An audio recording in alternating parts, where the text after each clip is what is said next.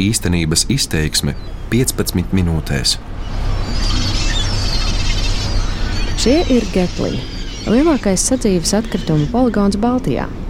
Mans vārds ir Māra Rozenberga, un šodienas stāsts būs par it kā niecīgu, tomēr arvien būtiskāku daļu no šeit apglabātajiem atkritumiem, proti, apģērbu un citiem tekstilu izstrādājumiem, kuru apjomus audzē tā sauktā ātrā mode. Eiropas Savienībā jau pēc pieciem gadiem ārā metamie apģērbi būs jāvāc atsevišķi, tāpat kā tagad plastmas vai papīrs. Latvijā tam sistēmas pašlaik nav.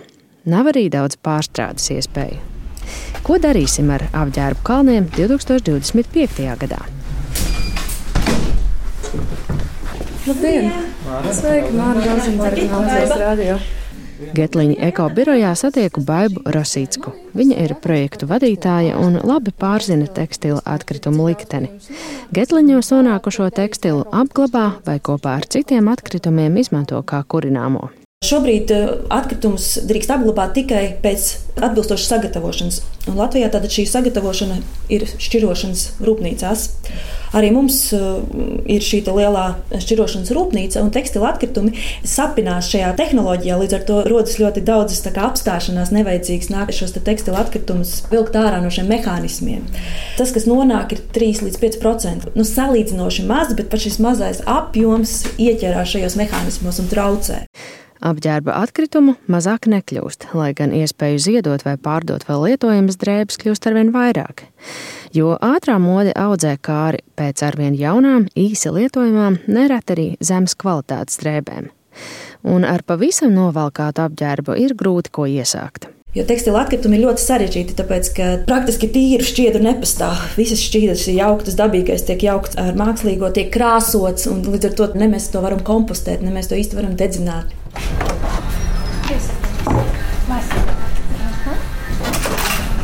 Galvenais risinājums ir apģērba dzīvi pēc iespējas paildzināt.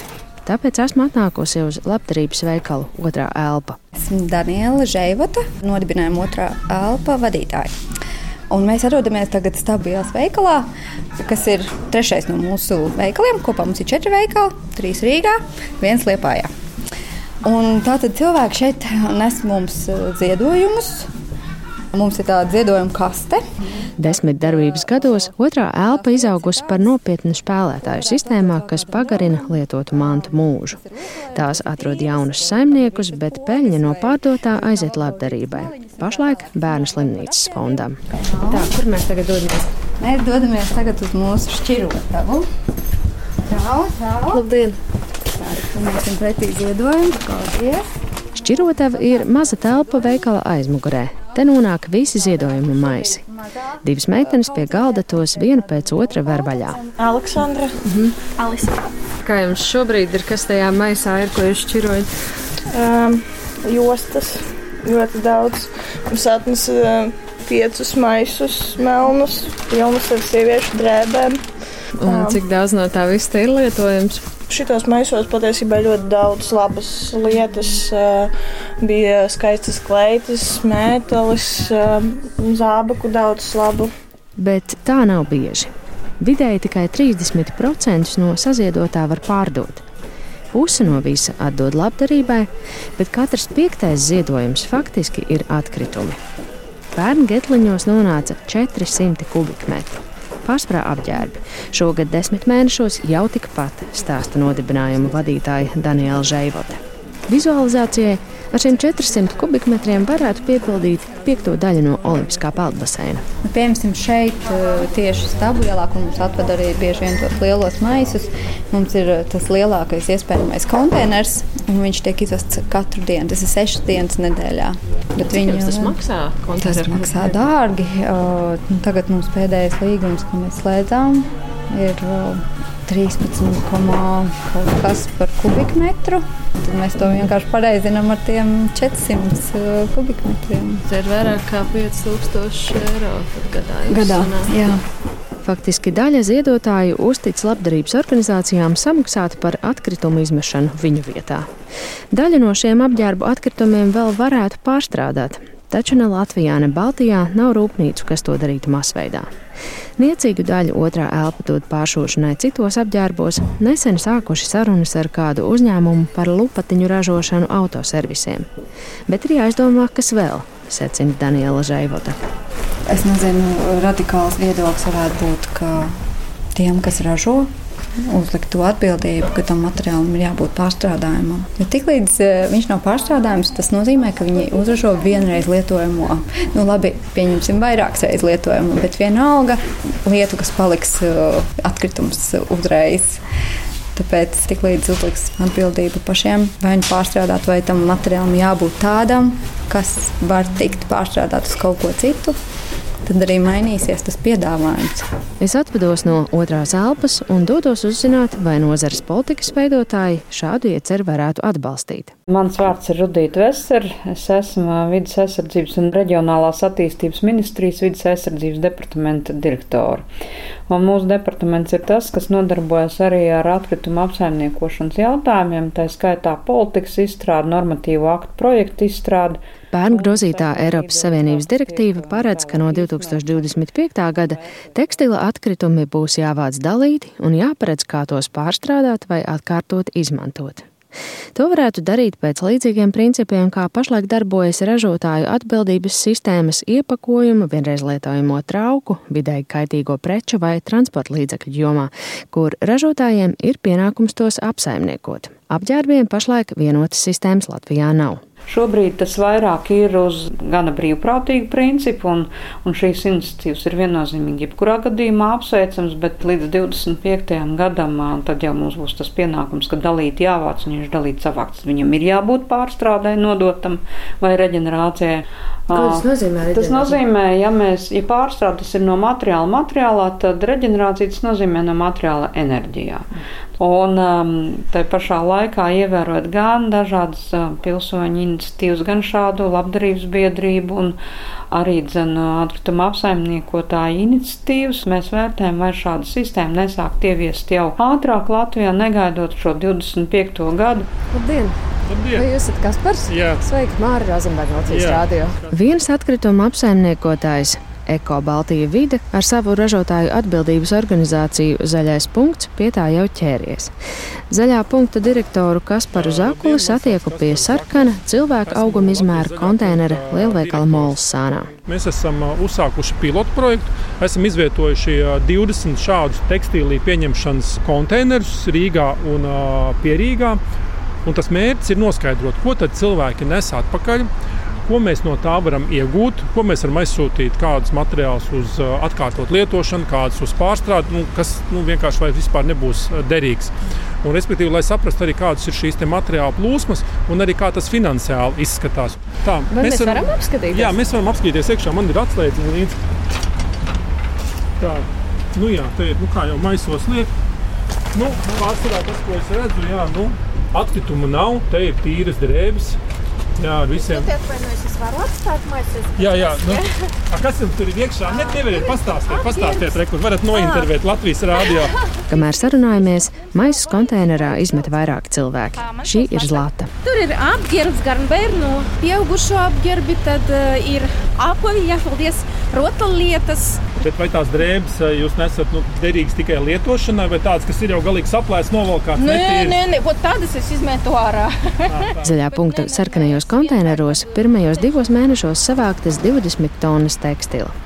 55% no tā varot lietot atkārtoti, 15% der pārstrādē, bet 30% ir pagaidām nepārstrādājami atkritumi. Pilotu projektu turpinās arī nākamgad, taču tie pirmie rezultāti mums parāda, ka par to naudu, ko mēs saņemam atpakaļ no šo tekstilu atkritumu realizācijas, mēs nevaram nosegt šīs izmaksas, kas ir konteiners jānopērk, jātukšo, cilvēkiem ir jāsašķiro, tas tālāk ir jāpārdod. Tas ir mīnusā. Tas, diemžēl, ir mīnusā. Tādēļ zaļais punkts aktīvi lobē ražotāju atbildības sistēmas paplašināšanu arī uz tekstilu atkritumiem. Zakulis min piemēru no Francijas, kur visi apģērbu un apavu ražotāji jau maksājot noteiktu maksu par katru vienību, ko novieto tirgū. Par šo naudu izvieto konteinerus un atpakaļ nodoto apģērbu sašķiro. Arī Francijā apmēram pusi varot izmantot vēlreiz. Nu kā, nu, tie, kas novieto tirgu apģērbu, nu, tā, viņi ar to pelna. Bet lūdzu, uzņemieties atbildību arī par to, ko jūs pārdodat. Lai šis apģērbs tiktu savākts atpakaļ un aizsūtīts uz pārstrādi, uz atkārtotu lietošanu. Un tā maksa pie tā katra apģērba gabala ir pāris santīmi, kas nāk klāt, kas ir jānovirza šo apģērbu savākšanai. Nevis izmešanai vienkārši konteinerā, kur tas pēc tam aiziet poligonā. Tādu kā brīvprātīgu ražotāju atbildības sistēmu jau sesto gadu īsteno veikalu tīkls Haunēm, tā cenšoties izpirkt sev ātrās modes milža vainu apģērbu kalnu vairošanā. Es esmu Sanita Kalniņa, Haunēm sabiedrisko attiecību vadītāja Latvijā, un šobrīd mēs atrodamies Haunēm veikalā. Un man te tagad ir tāds maisiņš ar visādiem nolietotiem apģērbiem, kurus es vairs nekur citur īsti nevaru nodot vai es viņus tad varu pie jums atstāt? Jā, jā pie mums ir iespējams nodot. Pirmajā stāvā arī atrodas apģērbu savākšanas kaste, kur iespējams ir aizlist un ielikt savas nevajadzīgās tekstilu preces. Mhm. Kur viņi nonāks tālāk? Tālāk ir tā, ka Hānas apģērbu savākšanas iniciatīva ir sadarbībā ar kompāniju AICO kuri tālāk arī šīs preces paņem no mums un tālāk arī viņas pārstrādā. Tekstila pārstrādes milzis AICO strādā vairāk nekā 60 valstīs un vēsta, ka apmēram 60% savākto apģērbu izmantojot kā otrreizējās lietošanas preces un 34% pārstrādājot. Ja tas nav iespējams, tekstila izmanto enerģijas ražošanai, proti, sadedzina. Viņiem ir visā pasaulē šie centri, piemēram, ir Vācijā, kas sanāk mums tuvākais. Arī. Tad būtībā šīs visas drēbes tagad ies uz Vāciju. Ja? Uz Aiko, jā, Aiko, tā kā viņas paņems un tad tālāk jāšķiros. Latvijas H&M veikalos līdz šim savāktas 500 tonnas tekstila. Divus centus no katra kilograma uzņēmums ziedo labdarībai. Latvijā tas ir sarkanais krusts. Uzņēmums arī apņēmies audzēt to apģērbu īpatsvaru, kas tiek saražots no pārstrādātas vai citādi ilgspējīgi iegūtas šķiedras. Izklausās labi. Taču pagaidām pirkt mazāk apģērba tas īsti nemudina, jo par nodotajām drēbēm pircējs saņem atlaižu kuponu atkal jaunam apģērbam, tajā pašā ātrās modes veikalā. Ilgtspējīgas modes eksperte Dace Akula no biedrības Zaļā brīvība par šādu sistēmu ir visai skeptiska nu, tas ir apsveicami, ja mēs ņemam, ka alternatīva varētu būt arī, ka viņi neko nedara. Bet tas, ka mēs noliekam konteineru un uh, mēģinam tiešām kaut kā ar zaļo mārketingu uztaisīties smukākiem un pūkainākiem un labākiem, tas nemaina lietas būtību, ka tas konteinerim blakus atrodošais uh, pakaramais ar drēbēm ļoti ātri aiziet konteinerā atpakaļ, tāpēc ka viņš vienkārši nav kvalitatīvs. Zaļā brīvība ar kolēģiem šogad veikuši pētījumu par tekstila atkritumu plūsmām Baltijas valstīs. Tajā pirmo reizi noskaidrots arī tas, cik daudz apģērba pērk Latvijas iedzīvotāji. Tad tie ir aptuveni 5 kg jaunu drēbju gadā un 5 kg lietotu drēbju. Tas sanāk kopā 10 kg vidējais patēriņš uz vienu iedzīvotāju. Protams, daži patērē vairāk un daži patērē mazāk. Un tā kā mēs zinām, ka viena apģērba vienība vidēji sver puskilogramu, tad mēs arī nonākam pie tiem gandrīz vai 18, 19 apģērbiem Latvijas gadījumā. Es tur nopaļoju uz augstos kilogramus. Ja? Lai gan tas ir stipri mazāk nekā daudz vietā Rietumē, Eiropā, piemēram, Briti pērk vidēji 54 apģērbus gadā, tas tomēr nenozīmē, ka par izmesto apģērbu tāpēc varam vispār nedomāt. Akula uzsver, māksla nav nolietotās drēbes savākt, bet gan pārstrādāt.